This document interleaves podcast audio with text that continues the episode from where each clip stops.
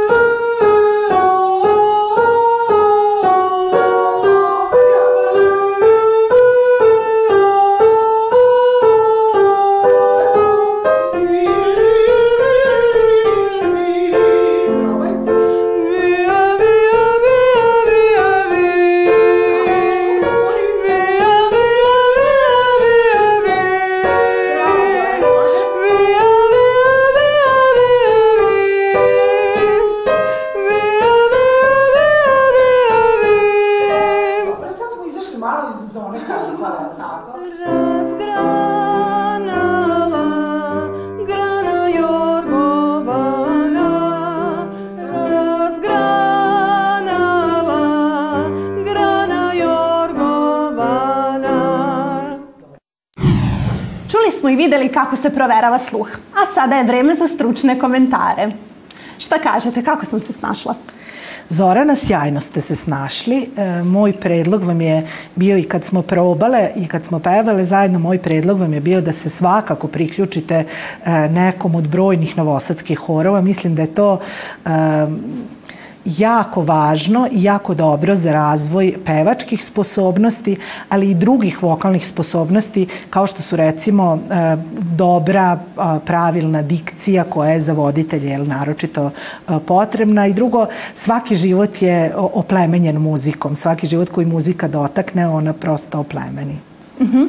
I evo, kada smo ovaj, probali, odnosno kada smo snimali uh mhm. -huh. ovaj prilog, uh, rekli ste mi da ne možete da definišete koji sam ja još glas, jer treba još vremena, ali tako da se ja u tom smislu... E, pa da, u nekom u nekom širem smislu vi na prvo slušanje možete primetiti, ali ja ne volim da dajemo odmah procenu glasa, jer prosto treba videti kako bi se u toku vokalne obuke nečiji glas razvijao.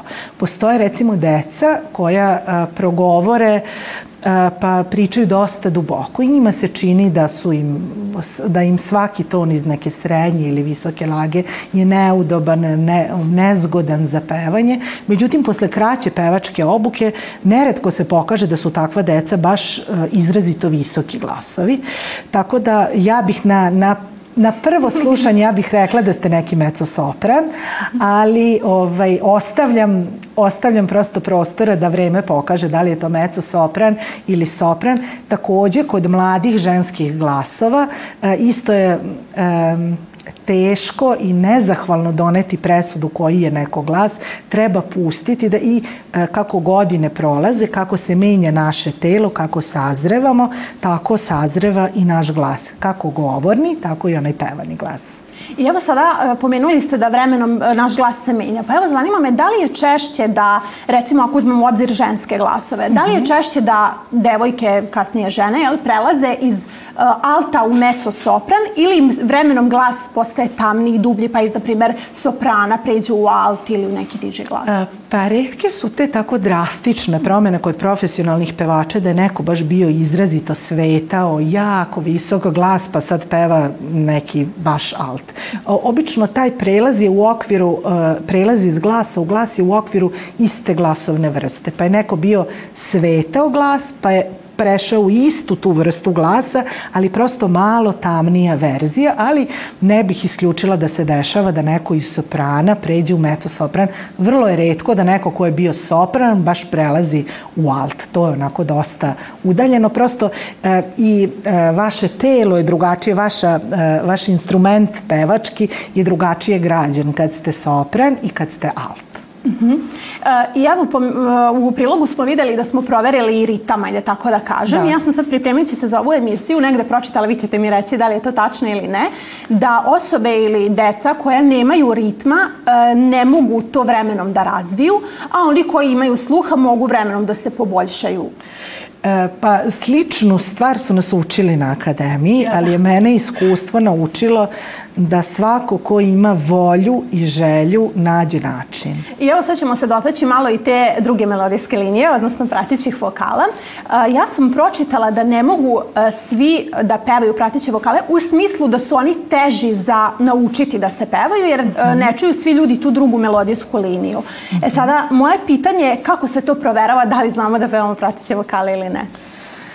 Ovaj, ja moram, e, nažalost, taj deo nije prikazan u prilogu. Ja moram da kažem da je Zorana proverila svoju sposobnost pevanja pratećih vokala i da se pokazala kao dosta dobar pevač pratećih vokala.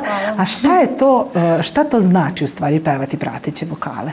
To vam je isto kao pevanje u horu, pevanje unutrašnjih glasova. Ako jedan hor peva četvoroglasno, mi imamo sad spoljne glasove, onaj gornji skroz, to je sopran u mešovitom horu i onaj skroz donji, to je bas. A unutrašnji glasovi, tenor i alt, su puno teži, imaju puno teže melodijske zadatke od soprana i basa, zato što njihova melodija često nije logična. Ona traži raz, a, ona traži razvijenost jedne posebne vrste sluha koja se zove harmonski sluh. Dakle, postoji više vrsta, melodijski sluh, harmonski sluh i tako postoji puno vrsta sluha, a E, ovaj harmonski sluh kad dobro razvijemo, mi smo u mogućnosti da pevamo e, prateće vokale. I evo za kraj ovog razgovora uh, pitala bih vas, s obzirom na to da smo svesni da danas postoji mešavina različitih žanrova, svakakve muzike, da tako kažem, šta biste vi iz perspektive profesora, muzički obrazovane osobe posavetovali svim mladim ljudima, evo svim našim gledaocima, nevezano da li su to deca ili su malo stariji, šta bi oni trebalo da slušaju? E, pa nezahvalno je reći, e, dati nekom savet šta bi ja bih mogla da kažem šta ja volim od muzike ili šta sluša uh, moj sin. Ali ne bih mogla da, da, da posavetujem vas uh, sad ovog izvođača treba ili ne treba slušati. Mislim da je najbolji savet uh, ispitati uh, kakva je to literarna pod, uh, podloška onog što oni pevaju. Dakle, šta se dešava u tom tekstu?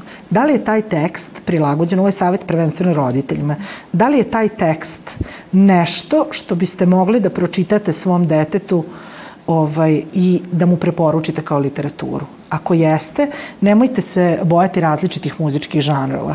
E, nekada je bilo e, prosto zabranjeno slušati i rock and roll, a danas smo okruženi njimi, smatramo ga gotovo u ravni sa, sa klasičnim repertoarom. E, tako je isto i sa rap muzikom, i sa hip-hop muzikom, i sa svim ovim modernim žanrovima kojima smo okruženi.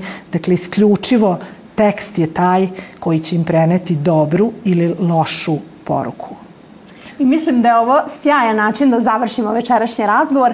Hvala vam mnogo na izdvojenom vremenu i naravno svim korisnim savetima. Verujem da su naši gledalci, makar oni koji imaju možda talenat za pevanje, poželeli da eto, se oprobaju u tom smislu i da upišu neku ovaj školu i da će ovaj razgovor svakako biti inspirativan njima.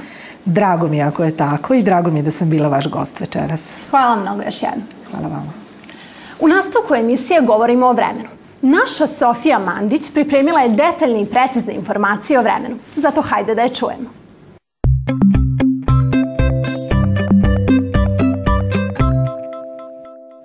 Ćao svima, vreme je za vreme.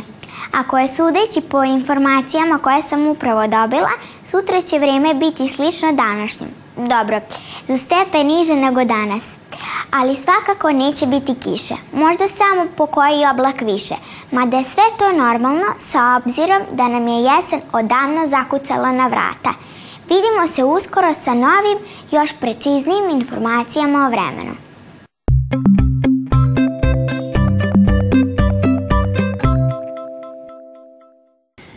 Smo do kraja ove specijalne emisije. Ne znam za vas, ali ja sam uživala i mnogo toga naučila. Ukoliko ste nešto propustili, ništa ne brinite. Sve emisije Dečijeg dnevnika dostupne su i na našem zvaničnom YouTube kanalu, u repriznom terminu, pre podne, nešto pre 10 sati, ali i na portalu odloženog gledanja. Vidimo se sutra. Hvala vam na pažnji. Ostanite informisani i slušajte dobru muziku. Želim vam prijatan ostatak večeri uz naše programe. Doviđenja!